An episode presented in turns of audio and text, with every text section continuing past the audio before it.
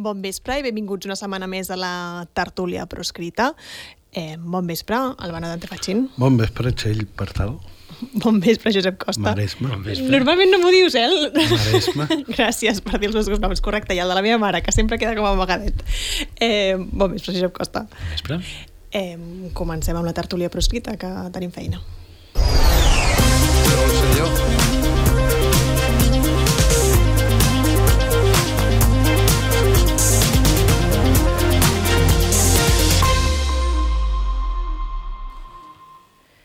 I us, us sorprendré si us dic que avui parlarem de- d'una cosa que no hem parlat mai, l'amnistia. Què, què us sembla? llibertat, amnistia i birra fre fria. Perdó. Llibertat, estatut, no? Llibertat, amnistia, estatut d'autonomia. Pues ja... Ja hi som, Només falta la llibertat. No? bueno, no, no, no sóc molt original, diguéssim, però sí que l'altre dia, en l'anterior eh, tertúlia que vam fer la setmana passada, alguns espectadors em van dir al final començava a interessar-nos el que estàveu explicant de l'amnistia, no? amb coses més tècniques, amb coses de com ens afectarà a la gent represaliada, etc. i ho vau tallar. I dic, bueno, potser podem recuperar aquest punt, no? aquest punt de quina crítica hem de fer aquesta amnistia, més enllà de lo polític, sinó de lo tècnic d'alguna manera, no? Bueno, més han anat passant coses i s'han anat sab sabent més coses. S'han anat no? sabent més coses. Eh, Alerta Solidària, per exemple, n'ha fet una crítica, no? Eh, i, I mica en mica els experts també han anat parlant i han anat apuntant algunes coses. Eh, si, potser per començar, cal deixar clar que, que això no és una cosa que s'aplicarà ja, mm, més aviat al contrari, i més aviat eh, el PP està fent tots els passos per poder-ho dilatar al màxim de temps possible. No, Josep? Sí, això mm, obeix a un càlcul polític, electoral que, que fa el PP, que és que necessita mantenir aquest tema, diguéssim, calent fins a les eleccions europees, que són el 9 de juny del 24 de l'any que ve. Per tant, això intentaran allargar-ho de tal manera que la campanya electoral de les eleccions europees es parli d'això. Uh, i, bueno, I això també afectarà, lògicament, uh, la possibilitat dels eurodiputats independentistes de presentar-se o no presentar-se o poder prendre possessió del càrrec amb més facilitat o no, o la possibilitat, bueno, Junqueras que es va presentar les últimes que es pugui presentar, bueno, és a dir, també distorsiona una mica els plans que puguin fer eh, els, els eh, encausats per tenir per ser candidats. Um, en tot cas, eh, ho donen per fet. Jo crec que no impediran. Saben que no podran impedir Però que s'aprovi. Ho poden allargar, no? Diguéssim, per exemple, han, han allargat els tràmits que es poden fer al Senat Exacte. per tal que es, es dili, delit, no que es dilati, Dilati, que es per dila, això. perquè arribi fins a la campanya de les europees, que és el seu objectiu, realment. I, després els jutges ja s'encarregaran de la feina, perquè al final, crec que això ja també ho vàrem apuntar l'altre dia, uh, la llei d'amnistia és una llei i podem fer les lleis que vulguem, mentre hi hagi els mateixos jutges tindrem els mateixos problemes. No? I, I aquesta és la història, és si els jutges seran capaços de, de boicotejar l'aplicació de la llei, si trobaran la manera de no aplicar-la, si trobaran la manera de suspendre-la i, no, i, i que ningú se'n benefici fins d'aquí mesos i mesos i mesos. De moment, eh, eh, hi ha una notícia que també eh, ja, ja havíem apuntat que seria un dels temes eh, la setmana passada, ja tenim la notícia, que és que el ministre de Justícia, eh, Juan Carlos Campo, del PSOE, ja queda apartat del debat sobre l'amnistia en el Tribunal Constitucional. És a dir, és un vot fidel del PSOE en el Tribunal Constitucional ja queda fora de joc. És a dir, tenen un menys. Uh, veurem, això continuarà, és a dir, els, els moviments continuaran, a veure si poden acabar tombant aquesta majoria suposadament progre que hi ha al Tribunal Constitucional per l'amnistia. Dic suposadament perquè quan ens posaven querelles a nosaltres hi havia una unanimitat, diguéssim, Progre, no progre. Pro- tinc, progre, tinc una progre. pregunta. Aba, o sigui, ho dic perquè esteu anant, em sembla, massa enllà. És a dir, aquí estem parlant de lo que hagin de fer els jutges eh, que l'han d'aplicar o allò que hagi de fer el Tribunal Constitucional a l'hora de dir si és constitucional o no, però abans hi ha el tràmit parlamentari. La meva pregunta és, aquesta dilació i la dilació fa que hi hagi més temps per fer pressió, ahir ho vam veure al Parlament Europeu, després en parlarem, uh, però no pot, a banda de ser dilació, que aquesta dilació serveixi per una, una mena de dissolució, és a dir, uh, que el mateix PSOE uh, posi esmenes rebaixant-ho, O sigui, abans que arribi al Tribunal Constitucional, tota aquesta pressió política no pot fer que el PSOE en el tràmit eh, se- baixi els, eh, els, els graons d'exigència No ho sé, és a dir, jo crec que... o, o està pactat eh, el, el que, la, llei l'ha pregunto el PSOE, com dèiem la setmana passada, la llei la signa el PSOE. Uh, i, i ja, Sí, però un i- partit i també té- es pot esmenar a si mateix. Ah, sí, no, no, ja ho hem vist, això. Ah. Però uh, el, relat, el relat polític és el del PSOE i el contingut de l'amnistia, al final, mm, jo crec que uh, servia un relat i servia uns objectius, però que són perfectament conscients que no ho controlen. I per molt que s'hi escarrassin a fer esmenes per intentar que no se'ls escapi per aquí, se'ls escapi per. És a dir, eh, jo tècnicament li veig un defecte en aquesta llei que eh, és, eh, és complexa i és molt exhaustiva i quan tu files molt prim eh, és més fàcil equivocar-te. És a dir, eh, quan comences a ser molt minuciós eh, eh, és allà on pots eh, deixar escletxes perquè, perquè s'interpreti el contrari del que volies dir, perquè trobin una excepció que tu no hi havies pensat. És a dir, quan més escrius, mm. més et poden malinterpretar. Perquè l'esperit del legislador, això que... L'esperit de la llei, que en Sí. sí. teoria era un principi rector no? de, Sí. sí. de l'aplicació, eh, aquí l'esperit de la llei justament és el que combatran a mort els jutges, no?, a l'hora de... Sí, el que passa que eh, és cert, el, el combatran, i la, la veritat és que també l'esperit de, llei, de la llei ha de conviure amb un altre principi que és eh, la interpretació conforme a la Constitució entre cometes, eh? Dir, per tant, si, si ells interpreten que l'esperit és anticonstitucional, Tot l'altre. eh, ja eh, eh, el, els hi serà igual. Jo crec que, és a dir, insisteix, el problema mai no ha estat la qualitat de les lleis, ni la, ni la precisió de les lleis, ni el redactat dels articles. A, a, el problema és que l'estat espanyol manen els jutges, segueixen manant els jutges i que la llei se la passen per l'entrecuix cada vegada que necessiten passar-se-li. Sí, perquè, clar, ara hi ha una amnistia, crec que tu feies un tuit d'això, ara hi ha una amnistia sobre uns fets que en teoria ni tan sols haurien d'haver arribat a ser delicte. És a dir, estàs amnistiant... O sigui, és com intentar... Eh, o sigui, l'error ja es va cometre a l'hora de, de condemnar. Per tant, eh, diferent és que, Estàs que tu... delictes inexistents Clar, llavors... Eh, Uh, igual, I ho han d'aplicar uns jutges que varen interpretar que hi havia delicte en uns fets inexistents. Per tant, ara poden interpretar que l'amnistia és inexistent, també. Bueno, si van interpretar el Codi Penal de manera que van poder fer les condemnes que van fer, o sigui, el, el, la seva crec capacitat interpretativa està sobradamente provada, no? Està segurament, exacte, sobradament demostrada.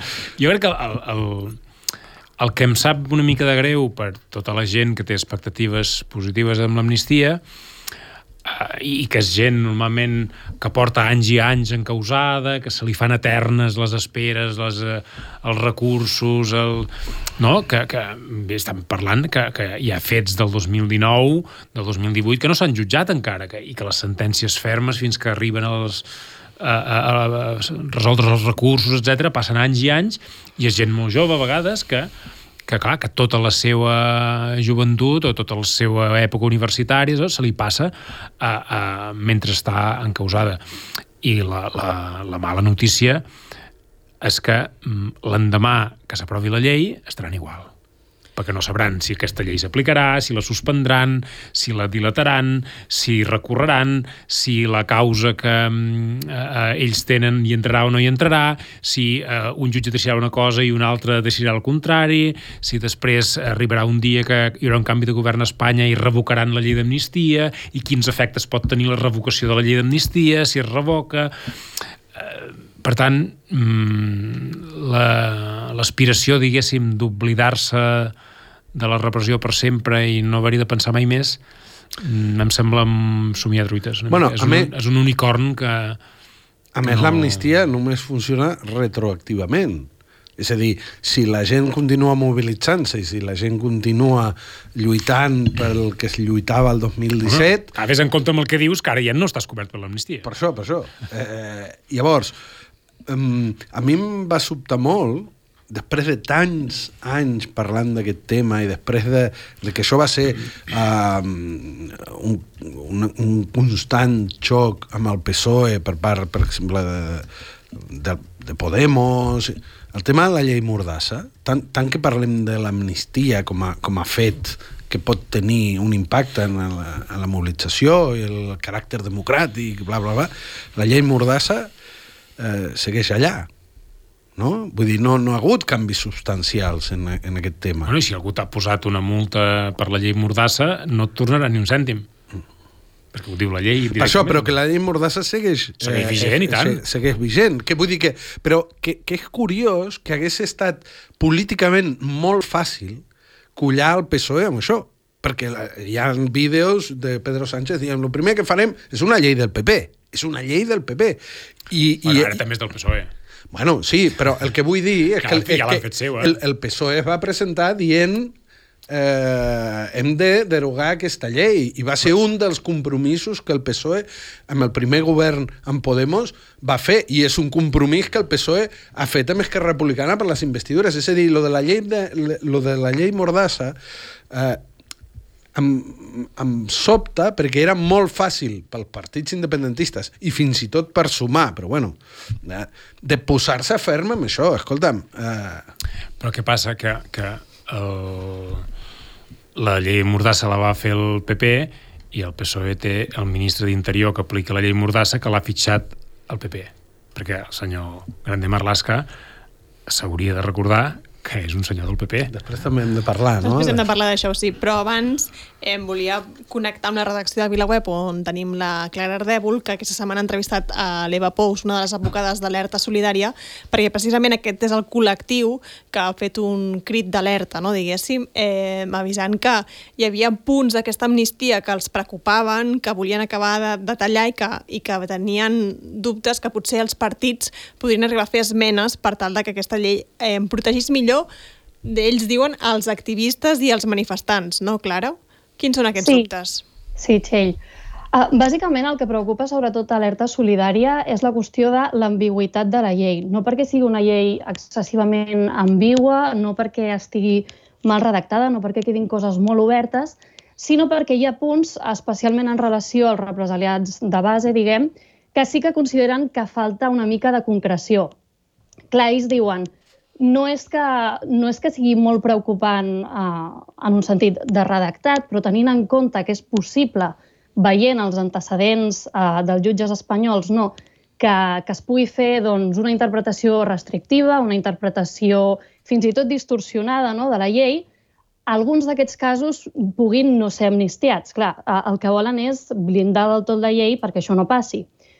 Parlem sobretot de casos d'activistes de, de base, de manifestants, de militants. Clar, ells diuen i lamenten una mica que sembla no, que, que el redactat de la llei blinda força alguns fets, alguns, alguns delictes concrets que són fàcilment re relacionables amb polítics, amb funcionaris de l'administració. No parlem, per exemple, dels casos d'Escolar, de Buc, de l'AI, que, que mirant la llei és fàcil eh, relacionar-los, i, en canvi, diuen que hi ha casos que, és, que mirant el redactat és més difícil eh, que es puguin relacionar, casos normalment relacionats amb, amb manifestacions, amb protestes, etc. Uh -huh. Com no queda tan clara la, la relació. I preocupa especialment, mm. diguéssim, el cas del 23S, el cas de l'operació Judes, eh, seria una de les coses que, que marquen que estan preocupats, diguéssim. Clar, els Preocupen també altres coses, com per exemple que no, no s'especifiquin delictes com lesions o com danys, que no quedi del tot clar què es considerarà, què es considerarà perdó, um, relacionat amb el procés d'independència i què no, perquè algunes manifestacions poden ser ambigües. I en el cas de l'operació Judes, clar, uh, mirant el text, mirant el redactat, el redactat del text, sembla uh, que hauria de quedar molt coberta, no? perquè la primera part parla d'actes contra l'ordre públic i contra la pau pública i en el Codi Penal el terrorisme apareix com, com en aquest capítol relacionat amb, amb actes contra la pau pública, no? Per tant, hauria de quedar cobert per, per aquí. També hauria de quedar cobert en la qüestió de les exclusions, perquè les exclusions parlen uh, de dos supòsits en concret, que més uh, s'han de donar només que es doni un dels dos i aval, un d'aquests dos supòsits és que hi hagi una sentència ferma i com en l'operació Judes no hi ha sentència ferma perquè tot just s'ha tancat la instrucció, doncs pensen que seria molt difícil que no quedés cobert això. És a dir, s'haurien de forçar molt les màquines per arribar a fer judici, a fer tots els recursos i a que arribar una sentència ferma um, abans de que s'aprovés l'amnistia, que entrés en vigor, que seria març-abril març, a tot estirar. No? Uh, tot i això, sí que, sí que els preocupa, perquè al final estem parlant de l'Audiència Nacional, estem parlant que segons quina interpretació faci l'Audiència Nacional, potser considera que el cas no és amnistiable i potser, i això ja és potser molt especular, no? però potser fins i tot es podria arribar a forçar la màquina prou o, o prou ràpid com perquè eh, doncs es pogués fer el judici i arribar a la sentència ferma abans, tot i que això seria molt i molt difícil. Clar, entenc que el, que el principal problema que veuen, eh, diguéssim, des d'alerta és que hi ha uns jutges, que és el que deia ara el Costa, no? hi ha uns jutges que tenen uns precedents, que els coneixem, que sabem qui són, i que, per tant, no pots confiar que apliquin la llei eh, com, com s'ha escrit, diguéssim, amb la intenció en, en la qual s'ha escrit. Clar, l'alerta solidària li preocupa sobretot els precedents de l'Audiència Nacional, els precedents amb aquest propi cas, que recordem que tot just fa uns dies que García Castellón tancava la instrucció coincidint amb les negociacions per l'amnistia, forçant molt els tempos, perquè ells, ells ja van dir, les defenses, vull dir, van dir que quedaven coses pendents i, malgrat això, eh, es, es va forçar de manera molt, molt ràpida no, la, el tancament de la instrucció. Han, a més, denunciat moltes irregularitats durant la fase d'instrucció, eh, bé, molts bueno, moltes traves per part del jutge.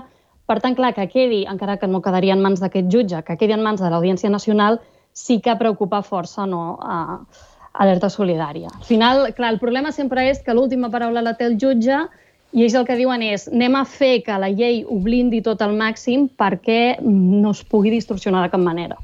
Clara, l'Albano et volia fer una pregunta. Mm. Sí, hola, Clara. Eh, hola. Una de les coses que em va cridar més l'atenció, i no sé si ho vau parlar amb una mica més de profunditat, de l'entrevista que vau publicar, eh, és que eh, la gent d'Alerta Solidària diu que no va... És a dir, no, no van tenir contacte o no van ser consultats pels partits que estaven negociant l'amnistia. Això no, no, no es va acabar de parlar, però sí, sí, van dir això, que no, Clar, és que... no van ser consultats i que... Sí, l'Eva m'ho va dir, no, no, no m'ha consultat ningú. És, és sorprenent perquè, en teoria, diguéssim, eh, és una organització que n'hi ha més, eh, però vull dir, eh, eh, certament Alerta Solidària és una de les organitzacions que ha fet més feina a nivell de carrer i, i que ha sigut un referent durant tots aquests anys en el moviment eh, antirepressiu. Ostres, el, el, el detall, no?, de dir, escolta'm, com ho veieu? Encara que després... Però el, el gest polític, no?, d'apropar-se, diguéssim, eh, des dels partits a la gent que lluita en, no? amb, amb, amb l'activisme de base i tot això. Vull dir que em, em sembla, a banda de que potser aquesta gent hagués pogut fer totes aquestes propostes que tu explicaves o, o fer arribar les seves eh, reflexions sobre la llei, a banda d'això, el gest polític, no? De dir, ostres, com... A mi, de l'entrevista, a banda de tota la part aquesta que estaves explicant, una de les coses que més em va sobtar és aquesta, no? De dir, ostres, eh, aquesta distància, no? De, de dir, joder, si, si, si ha estat tot el poble i tota la gent eh, eh, fent uns esforços i patint unes conseqüències, què, què menys que un gest de dir, escolta'm, com ho veieu, no? Em, em sembla un... sí, sí. políticament eh, destacable. De fet, bueno, s'ha portat molt de secretisme, vull dir que, que crec que consultar-se s'ha consultat amb poquíssima, amb poquíssima gent aquesta llei. Sí que entenc, Clara, que ells sí que tenen la intenció de, de explicant ara això, que es puguin fer canvis sí. en aquesta llei, no? diguéssim, que és la seva intenció de no callar ara i, i, i de dir, ei, partits, que això ho, ho podeu modificar i ho podeu fer millor. Sí, exacte, ells, ells mm, remarquen, no? Tot això ho posem molt en quarantena, al final estem fent aquí una alerta prèvia per, a l'hora de fer esmenes, això es pugui canviar, i sí, sí que lamenten no, en aquesta cosa més política, eh, doncs això, aquest dir, ostres, fa la sensació que els casos que afecten a polítics han quedat molt blindats, que, que els hi sembla bé que, que, que quedin així, no? però potser no s'ha anat a, a pensar tant en casos concrets de manifestants perquè mm, quedin blindats del tot i no siguin alguns sí, alguns no, no hi hagi ambigüitats, etc. De totes maneres, sí que remarquen que 438 persones quedarien, si els jutges fessin una interpretació lògica de la llei, diguem-ne, quedarien amnistiades, que més o menys, tenint en compte que um, hi ha casos, dels 1.400 casos que deia Òmnium, hi ha casos que estan arxivats, casos que han sigut absolucions, més o menys mm, entraria tothom. Però, clar, sempre hi ha la cosa aquesta última de la interpretació que faci el jutge, i això és mm, gairebé insalvable. Doncs moltes gràcies per explicar-nos, Clara, i fins la pròxima. Merci. Adéu.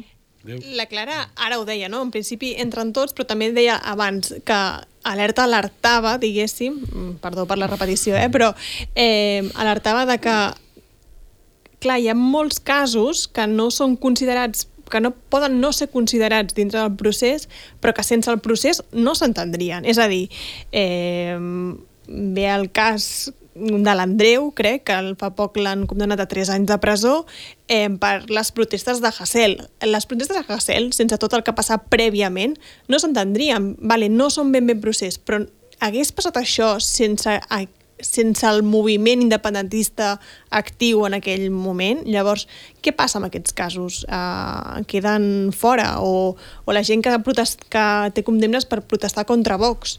Aquests casos queden bueno, fora. Que justament al final, independentment de si l'objectiu era la independència, o era això, o era l'altre, o era la sentència, o era la policia, o de Jusapol, les manifestacions de Jusapol... És a dir, al final del que estem parlant és d'una societat mobilitzada, mobilitzada per tot això que requereix o que crida la gent a mobilitzar-se, i aquest és el, la, la base de la qüestió. És que en aquest país, durant una sèrie d'anys, la gent, i, i grans capes de la població, molt més grans de lo que normalment en les societats eh, eh, del nostre entorn, que és aquest eufemisme que es diu, no? Però, vull dir,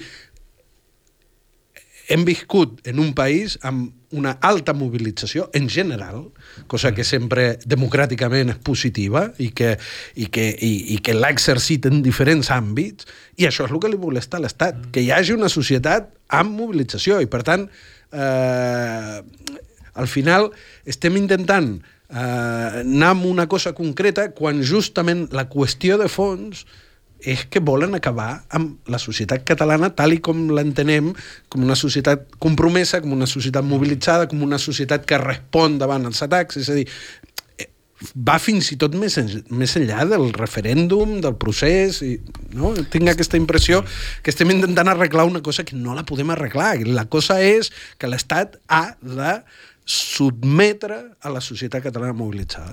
És a dir, que l'amnistia no serveix de res si res no, no canvia dit... dins... No, perdó, no, no vull dir no serveix no, no. de res, però que, que continuarà, no? És el que deies tu ara fa una estona. Tot, a partir d'avui tot continuarà, per tant, el que cal és canviar les lleis o el que cal és canviar bueno, el règim. La canviar el règim sí, bueno, i sobretot pel camí no deixar de ser aquesta societat que ells no volen que existeixi. És a dir, sí.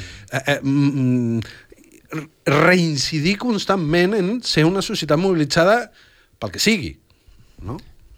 L'altre dia ho dèiem que eh, hauríem de ja estar preparant la mobilització del dia que entri en vigor l'amnistia. No?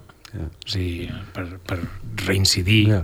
en totes les... Per obrir una nova pàgina. En totes les eh, causes que volen eh, passar pàgina, doncs tornar-les a reobrir, perquè al final el que, el que jo crec que la societat catalana no s'ha mobilitzat és per que després això es tanqui la carpeta i normalitzar no? normalitzar la situació institucional, social i política. L'independentisme uh, i tota aquesta mobilització que hi ha hagut era justament per impedir normalitzar coses que no són normals.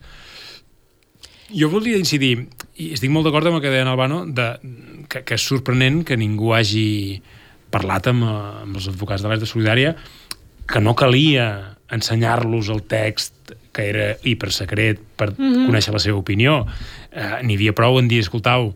Tenim una conversa. Um, què creieu que hauríem de demanar que hi hagi en aquesta llei? No us puc explicar si hi serà o no hi serà, si hi és o no hi és, però què penseu que és imprescindible que vagi en aquesta llei? I segur que els advocats de l'Alerta Solidària haurien explicat moltes coses perquè ara ja ens les expliquen. Vull dir, mm, a mi m'ha creat l'atenció que fins ara, fins avui, ni les dades d'Òmnium, ni els mitjans, ni no sé què, ningú era capaç d'explicar amb rigor quantes persones eh, eh, hi havia en l'àmbit d'aplicació de l'amnistia.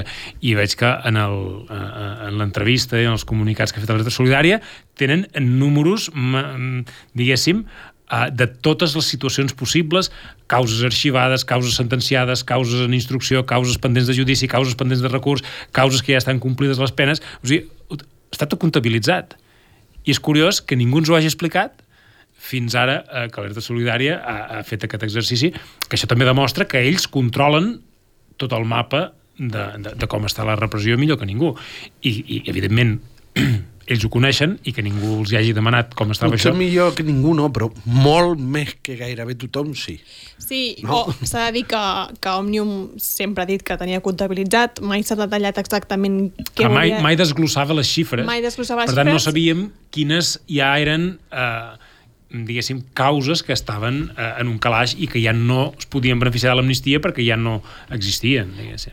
Sí que és veritat que, que Òmnium aquest dissabte fa un acte eh, per parlar de tot això. Suposo que ells també posaran eh, en, en coneixement de tothom si les seves xifres, no? també per acabar de quadrar si les xifres de l'alerta i, les i les xifres d'Òmnium van pel mateix camí o no. Vull dir que suposo que la setmana que ve Però- tindrem més informació al respecte. És això que, que així com amb, amb, el, amb els càrrecs polítics i, i funcionaris uh, hi ha un nivell de precisió, de bisturí, d'intentar que totes les paraules siguin les que han de ser perquè això, uh, uh, diguéssim, abasti tothom, en les causes de mobilitzacions i de base hi ha una casuística tan gran que ningú ha tingut en compte. És bé a dir, bueno, i, i tots els actes de protesta i, i de mobilització i d'alguna manera que estiguin connectats amb, o vinculats en això del procés.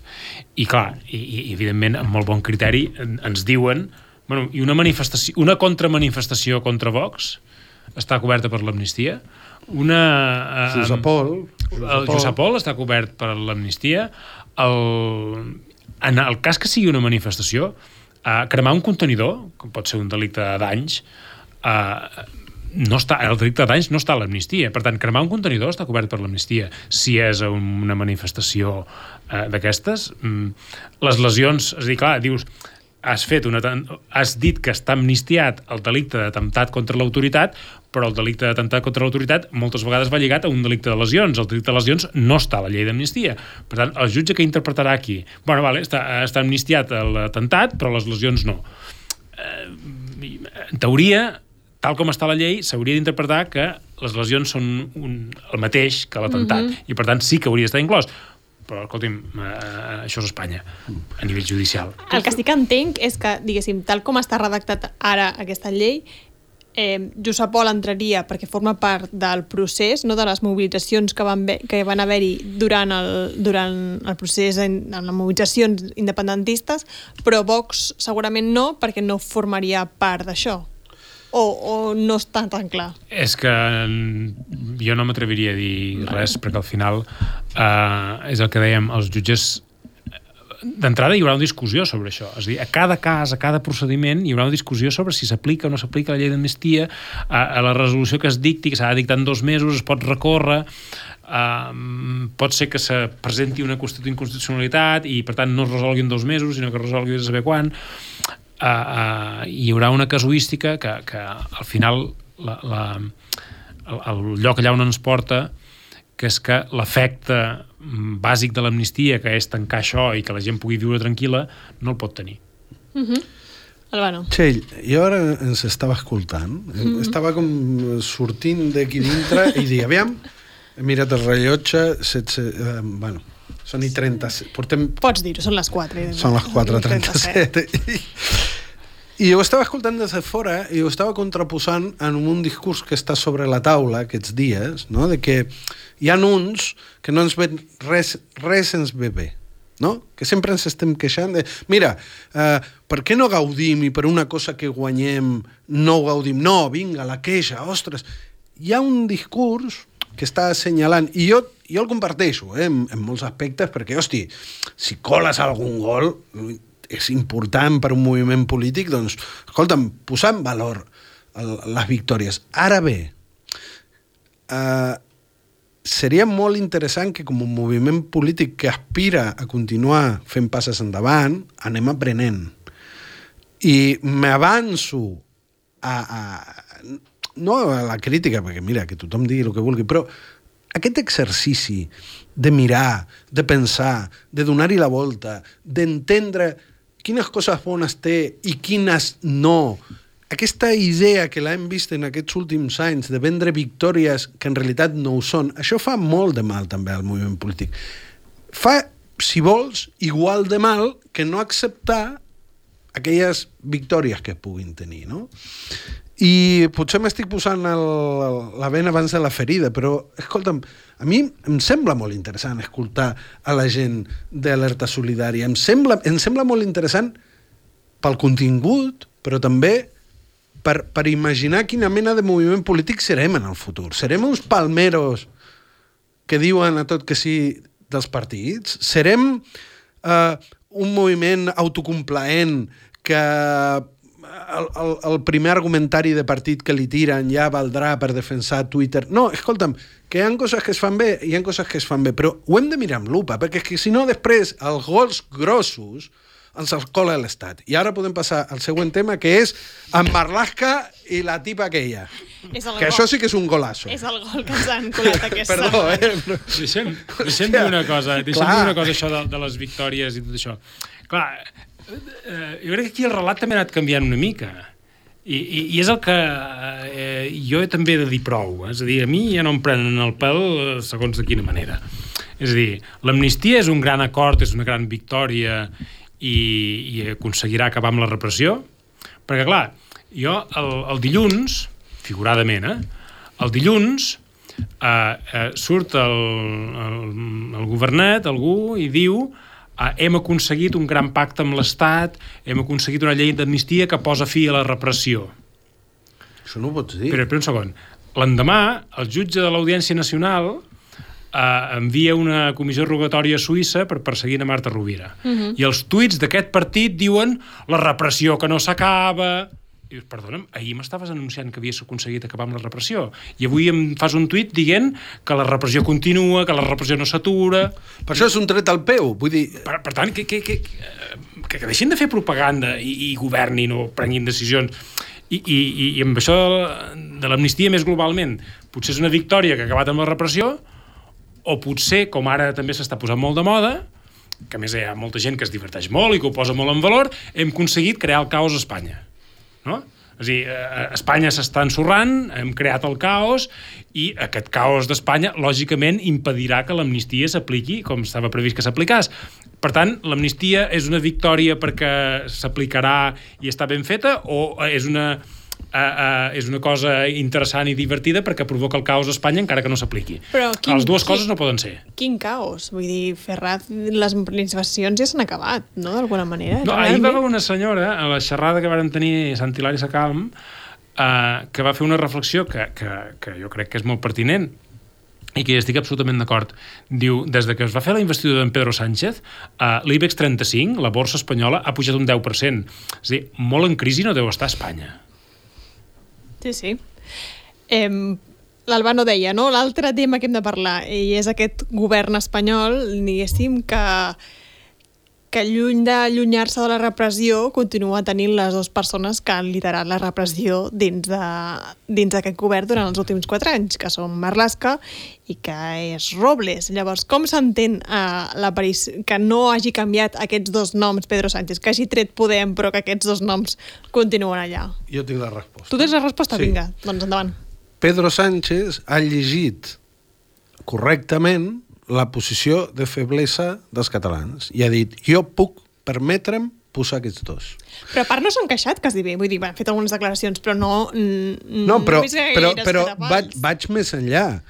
Uh, de veritat, en totes les negociacions no va estar en cap moment sobre la taula dir i aquests no me'ls posis? Hosti, Bueno, Deia que havien vetat anar de Colau. Clar, hòstia, mm, que, No? que, que ens O pot... sigui, el rumor era que Nadal de Colau havia fet una passa enrere dient que no volia ser ministre perquè algú li havia dit que no podia Però, ser, perquè estava mira, patada, no? A, a, això posa en... en em dona la raó, em perdó, en, en, en aquesta idea de que Pedro Sánchez farà tot el que li deixin. I els nostres partits acceptaran tot el que nosaltres li deixem. I ells, els nostres representants, o els representants de l'independentisme, digue-li com vulgui, que seuen amb el PSOE, haurien de, haurien de saber, però pel seu propi bé, de que quan ens diguin que l'amnistia ha sigut meravellosa i que la negociació ha sigut històrica i meravellosa, escolta'm, que sí, que hi haurà una part de la població, i, i, i jo m'incloc, que intentarà veure quines, en quines coses hem avançat. Però que és un suïcidi veure eh, o, o, o fer veure que els gols que et colen al contrari. Al contrari, escolta'm, eh, Uh, crec que ho va dir avui o ahir la Clara Ponsatí en el, en el Parlament Europeu. De dir, estem parlant dels ministres dels ministres directament implicats en, en l'ús de Pegasus, que ha estat condemnat pel mateix Parlament Europeu. Vull dir, és que no és, hòstia, és que Albano no li ve, ve res de bé. Ah, és que Albano critica... No, és que estem parlant de que Pedro Sánchez ha posat als ministres responsables de manera directa d'una cosa que ha estat condemnada internacionalment per les principals organitzacions periodístiques, pels principals mitjans de comunicació del món. Recordo el New York Times i el Washington Post dient ei, que en Espanya s'està... I va el tipus i posa els mateixos ministres. I la meva pregunta és, per què l'independentisme, del qual depenia la investidura, no ha estat capaç de dir mira, jo m'he de tragar m'he d'empassar el gripau d'haver-te d'investir. Tu, al torturador aquest i a l'espia aquella, no els poses. Dic torturador perquè va estar condemnat per haver mirat cap a un altre costat i, per tant, com que és cap a un altre costat, és un còmplice... Va, en fi. Uh, jo crec que el... No tinc advocat, tu... El problema de fons, tranquil, que, que jo et defensaré però bueno, Però m'he explicat, no? Perfectament. Jo crec que aquí la clau de tot plegat és que uh, els partits uh, independentistes, i com deia l'altre dia, tots ells, per primera vegada a la història, tots els diputats catalanistes del Parlament espanyol, conjuntament han investit un govern del PSOE que, com tothom sap, significa Pedro Sánchez os enganya. PSOE. Això, això és de Rufián, eh? Bueno, és que les hemeroteques funcionen molt bé. És dir, ja ho vaig dir un dia, que les hemeroteques ens perseguiran tots. I ara persegueixen en els que abans deien segons quines coses, també sobre en Marlaska i sobre en Margarita Robles, perquè quan Junts no donava suport el PSOE, feien molta sang d'en Marlaska i de Margarita Robles i de com Esquerra tragava gripaus, i ara tragaran els gripaus ells també i els tuits que varen fer sobre aquest tema. Perquè jo vull recordar que la Margarita Robles al Parlament de Catalunya va demanar la seva dimissió.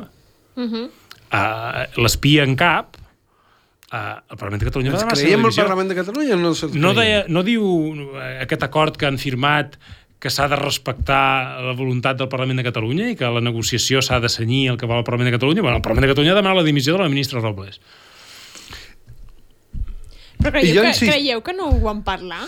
És a dir, Escolta'm, som així de... vale, jo insisteixo, jo no, no... A les dues coses, no sé quina és pitjor. Que ho hagin parlat i el PSOE hagi tirat pel dret o que no ho hagin parlat. No sé quina de les dues és pitjor. Vale, hi ha una tercera opció. Hi ha una tercera opció que jo crec que anem a suposar que ho han parlat i que per alguna raó que desconeixem no era possible. No era, els hem, els hem de posar aquí perquè la OTAN, jo què sé, vés a saber, la OTAN ha dit que aquesta ha d'estar aquí. O,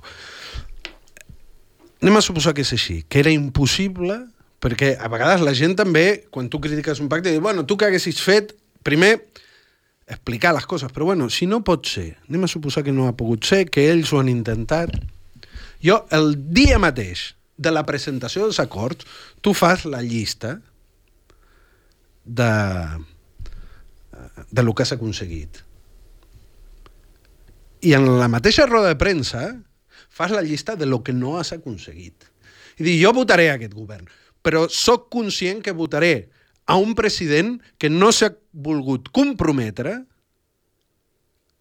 a no posar gent que vulnera els drets humans dels ciutadans de Catalunya. Perquè estem parlant d'això. Recordo, perquè és que ara sembla que Pegasus no existeix. És vulneració de drets fonamentals. de periodistes, de persones de la meva família amb la qual jo me comunicava amb el meu telèfon. És a dir, és molt greu. Llavors, jo quan jo estic disposat a acceptar amb pragmatisme que potser hi ha negociacions que arriben on arriben i no le vull demanar ni a Esquerra ni a Puigdemont més de lo que... És a dir, jo no vull ser ingenu i demanar-li oh, hauries d'haver demanat la independència immediata. Jo no, no els hi demano. Ara, els hi demano compromís, compromís amb la gent, compromís amb la veritat, compromís amb la política. I que has aconseguit una amnistia? Perfecte. Que la hem de lluitar? Perfecte.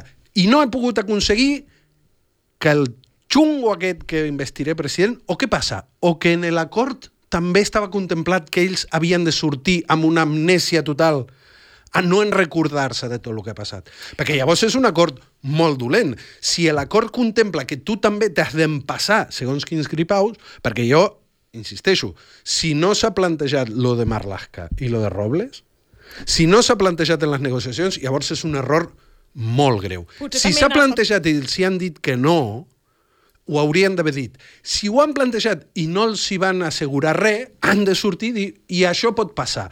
Què passa? Que al cap de tres dies surt Pedro Sánchez, els anomena i tu et quedes amb cara de tonto, perquè tu havies dit que la cosa era la hòstia. Doncs pues no era la hòstia. I si no era la hòstia, per què no ens ho han dit? I jo, eh, a tots aquests que apel·len al pragmatisme, el primer que haurien de fer és compartir la informació amb la gent, perquè la gent no és tonta, i si a mi surt Puigdemont o surt Rufián i dir, mira, portem dues setmanes negociant perquè aquest personatge sinistre no sigui tal, i no ho hem aconseguit, jo podria respectar a la gent que està fent aquestes negociacions. Ara, si no me diuen res, al cap d'una setmana me sabento de que el tio que, que, que ha espiat a la meva mare i als meus... Pues bueno, escolta'm... Han estat amnistiats, segurament, també aquests dos ministres. No poden estar amnist... Ah, bueno. És va. a dir... És... No ho sabem, perquè, de fet, Pegasus és el gran absent de totes aquestes negociacions de la llei d'amnistia... Del... No sé si en el relat dels fets jo crec surt que no surt això. enlloc és a dir, Pegasus no surten els acords polítics no, no surten el discurs del president a eh, Puigdemont el dia 5 de, de setembre el dia 5 de setembre que, que parla de l'abandonament total de la repressió o de l'abandonament definitiu de la repressió i si no han prohibit Pegasus no s'ha acabat la repressió és a dir, i, i, no, i no s'han fet les investigacions que el mateix Parlament Europeu sí que és veritat que es, es, uh, per demanar la dimissió d'aquella dona s'ha parlat de, de, de comissions d'investigació sí. però, però, però la de Pegasus que s'havia de fer uh, on és? No? Um, jo crec que el, el, és a dir tenim un problema de fons, perquè aquesta batalla s'ha de fer i es pot fer. El, el, les institucions europees estan del nostre costat amb, amb aquest tema de Pegasus. Per què no s'ha plantejat aquesta batalla de Clar, Pegasus? tant que es parla del relat, de dir no, hem obligat el govern espanyol a acceptar... Hòstia, doncs pues obligar a acceptar que està espiant res... il·legalment i les resolucions del Parlament i les resolucions del Parlament Europeu. Clar. Eh, estem parlant molt de Pegasus Catalan Gates, però cal recordar que Marlaska, a part de tot el que ha dit l'Albano, també va ser el responsable de la policia espanyola durant les protestes del 2019 contra la sentència. És a dir, aquesta persona era el màxim responsable de tot el que va passar a Via Laietana aquell 2019. Ah, el ministre eh, d'Urquinaona. Eh, eh, és, és, és, és una... És, és una... Com es diu bufetada? Bueno, és el ministre d'Urquinaona... Eh? Però, clatellada. Una clatellada... abans, abans de ser ministre del ja govern tenia, del, ja tenia un currículum. Davant, davant de, del govern del PSOE era vocal del govern dels jutges, que és més important que el govern del PSOE. Mm -hmm. I en aquell cas era vocal del govern dels jutges pel PP. I, i per tant, el 2017, l'1 d'octubre, quan els jutges es passaven per sobre, aquest senyor era vocal del Consejo General del Poder Judicial del govern dels jutges.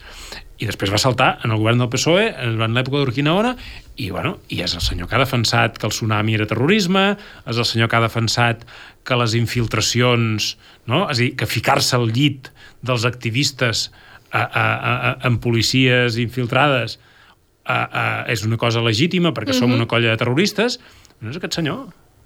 Aquest senyor que... És dir, per tant, s'ha acabat la repressió mantenint aquests ministres. A més, i a més per, per si no n'hi havia prou, per si no era prou humiliant o prou insultant, en Pedro Sánchez, quan va presentar el seu govern, es va, diguéssim, vanagloriar de que hi havia continuïtat, hi havia continuisme en aquests ministeris. És que ho va dir així. Mm -hmm. em, de fet, hi ha, hi ha hagut gent que ha criticat no? que aquest preàmbul que hi ha de la llei d'amnistia, en cap cas, Espanya demana perdó d'alguna manera, no? És a dir, que és una llei d'amnistia de uh, anem a arreglar això, però no assumim la meva culpa, la meva responsabilitat per part de l'estat espanyol de dir no es van fer les coses prou bé en certs moments o, o i ho trobes a faltar, això? Costa, potser? És a dir, potser no hagués canviat res, eh, igualment, eh? però si suposo que si poses això no pots posar el Marlask que després continua el govern. Si no ho poses, tens més dret a, a posar-lo, segurament. Home, ja diu, la llei d'amnistia en el preàmbul sí que diu que els policies que ens varen estomacar a tots que molt bé, que complien la seva feina. Um, L'única valoració que hi ha és aquesta.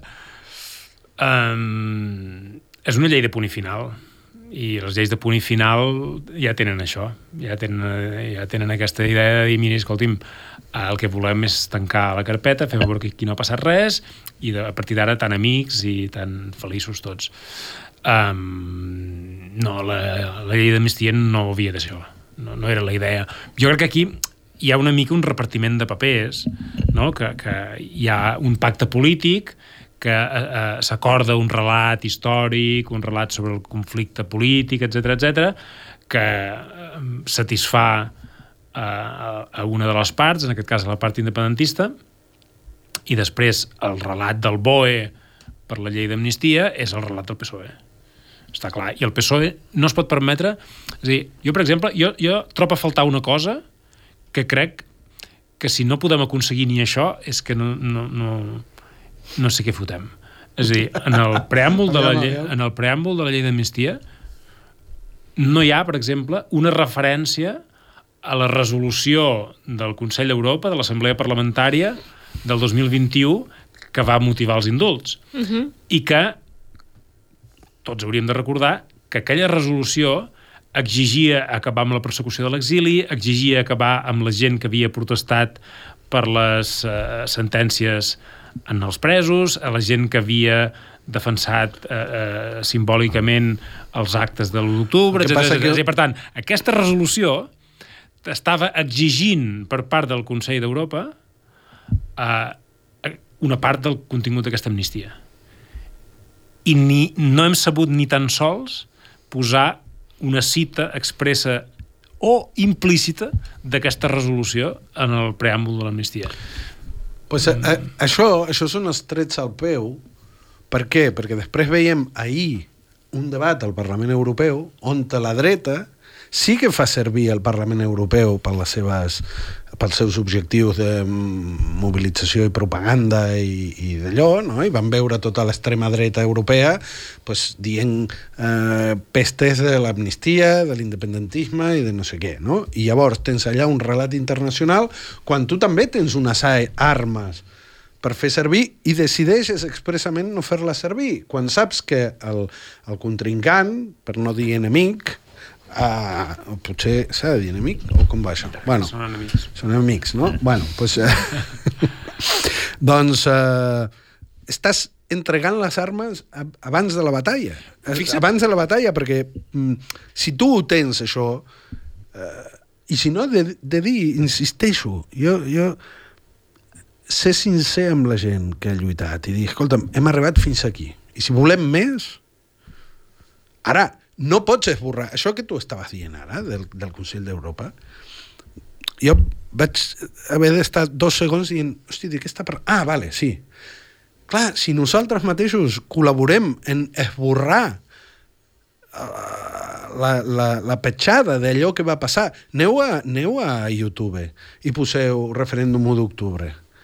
El 80% dels vídeos que hi ha penjat de la violència policial estan capats per YouTube per, per, perquè deu haver-hi hagut gent, gent denuncia, que, que ha, han hagut denúncies. Hòstia, és que hi ha un, hi ha un moviment d'esborrar el que va passar en aquest país i és legit, no, no és legítim, però és normal que l'Estat el faci. Hi ha aquesta penya que va amb, amb pintura esborrant. És a dir, nosaltres no podem col·laborar activament en esborrar el que ha passat. No, hi ha, hi ha una cosa, perquè, clar, ahir, per exemple, has parlat del Parlament Europeu, no? Uh mhm. -huh. Hi ha aquesta versió que, a més, el PSOE ha tingut molta por d'això, ha tingut molta por de qüestionar la feina dels jutges i d'alguna manera ha imposat en els negociadors, és a dir, ha imposat Esquerra i ha imposat a Junts, que la llei d'amnistia no podia haver-hi ni la més mínima ni civilina crítica a l'actuació judicial. Però clar, si tu dius i, i després diuen, no?, el Parlament Europeu, que això és un atemptat contra la separació de poders, que s'està encarregant l'estat de dret, perquè una llei eh, eh, qüestiona l'actuació dels jutges. Eh, eh, perquè, eh, diguéssim, anul·la les causes, etc.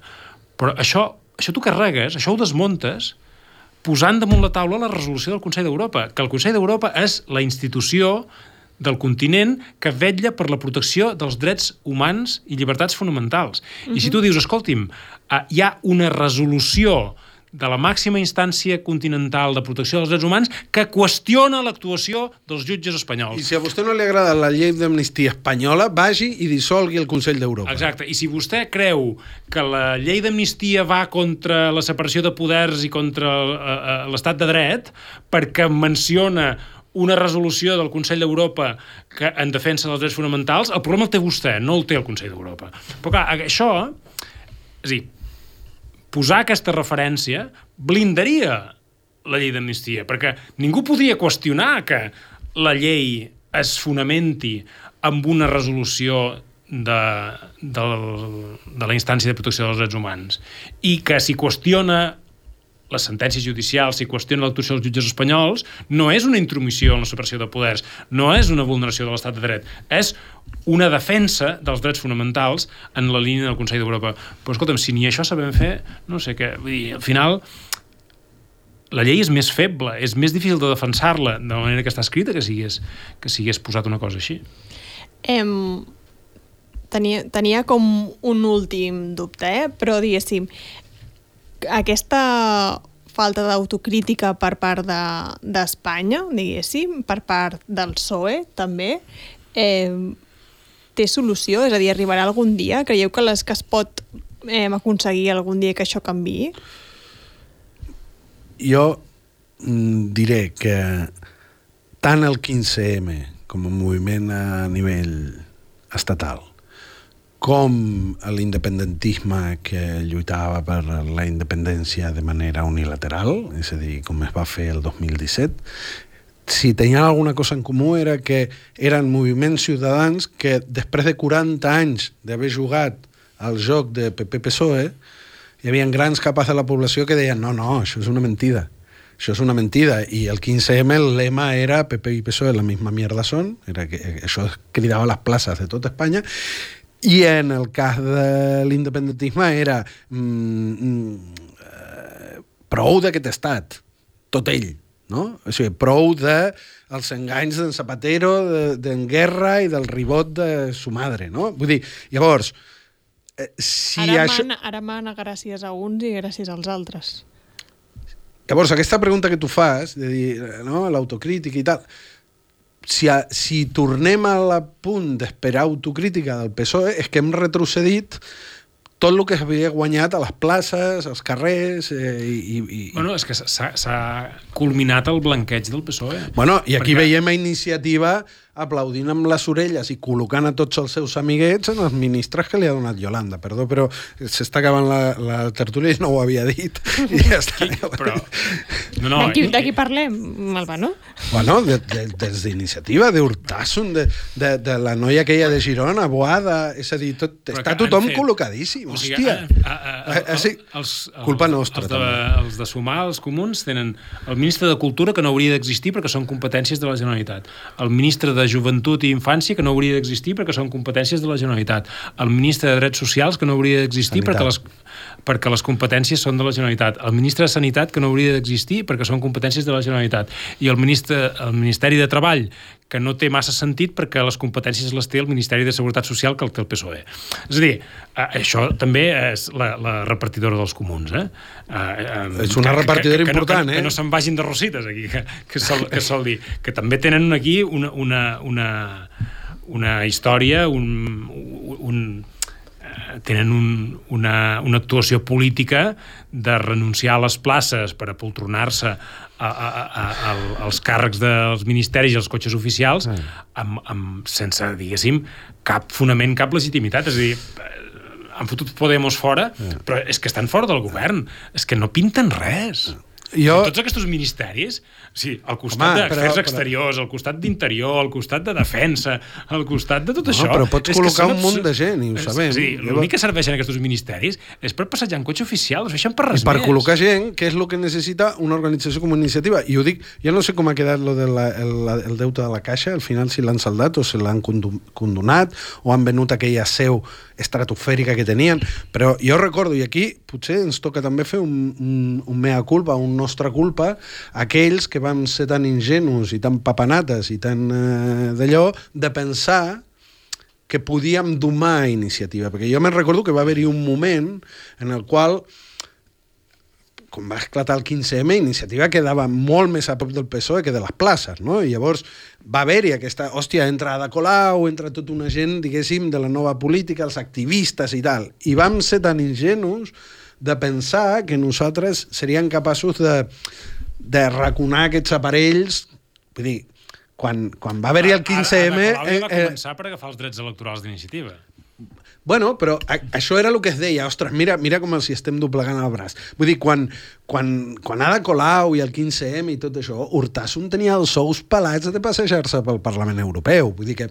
I, i, I clar, ara el veus en la cartera de ministre i dius, ostres, hem col·laborat també a, a, a inconscientment, no? Jo, jo ho he pensat aquests dies, dir, hòstia, perquè jo me'n recordo quan Pablo Iglesias, ara, ara que surt Irene Montero, pluriquejant de que l'han fet fora del, del, del Ministeri, i dic pluriquejant perquè, perquè escolta'm, quan us aliàveu amb en Cubiela i amb en Josep Vendrell, és que aquí podríem obrir una altra tertúlia, però quan us aliàveu amb aquesta casta endeutada fins a les orelles amb, amb la caixa i nosaltres anàvem a les reunions i dèiem, escolta'm, ja sabem que si ens unim amb aquesta penya, ens estem unint amb una penya que debe una millonada a la caixa.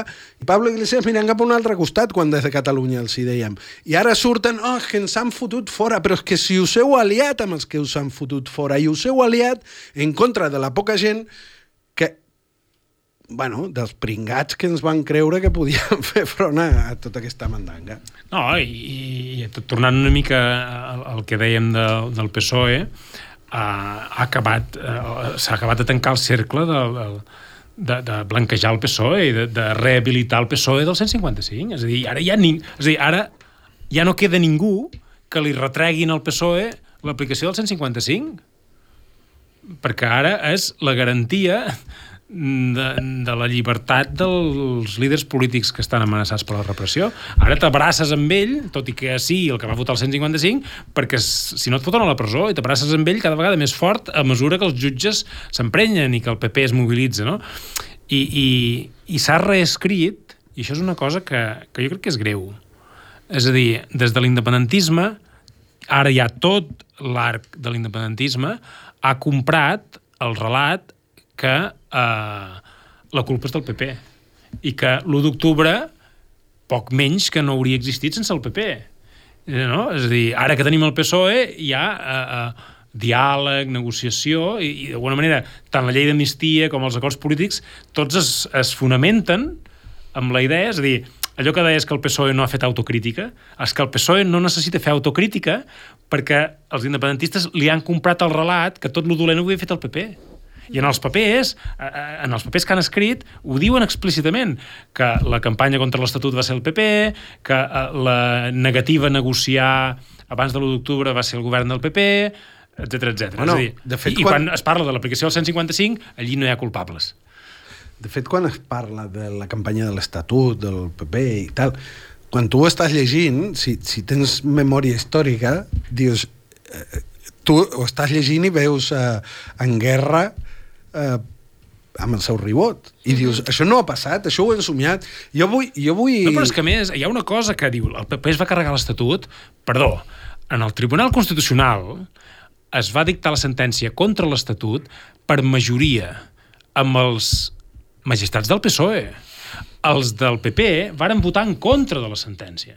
És a dir, els que varen dictar la sentència contra l'Estatut eren els del PSOE no eren els del PP, perquè els del PP la volien dictar d'una altra manera i van votar en contra, van fer un vot particular. Per tant, no diguis que, la, que, que va ser el, PP que es va carregar l'Estatut, va ser el PSOE. En definitiva, eh, crec que d'aquesta tertúlia en podem treure una conclusió que és cal tenir memòria, cal no oblidar les coses que han passat. Fins la setmana que ve.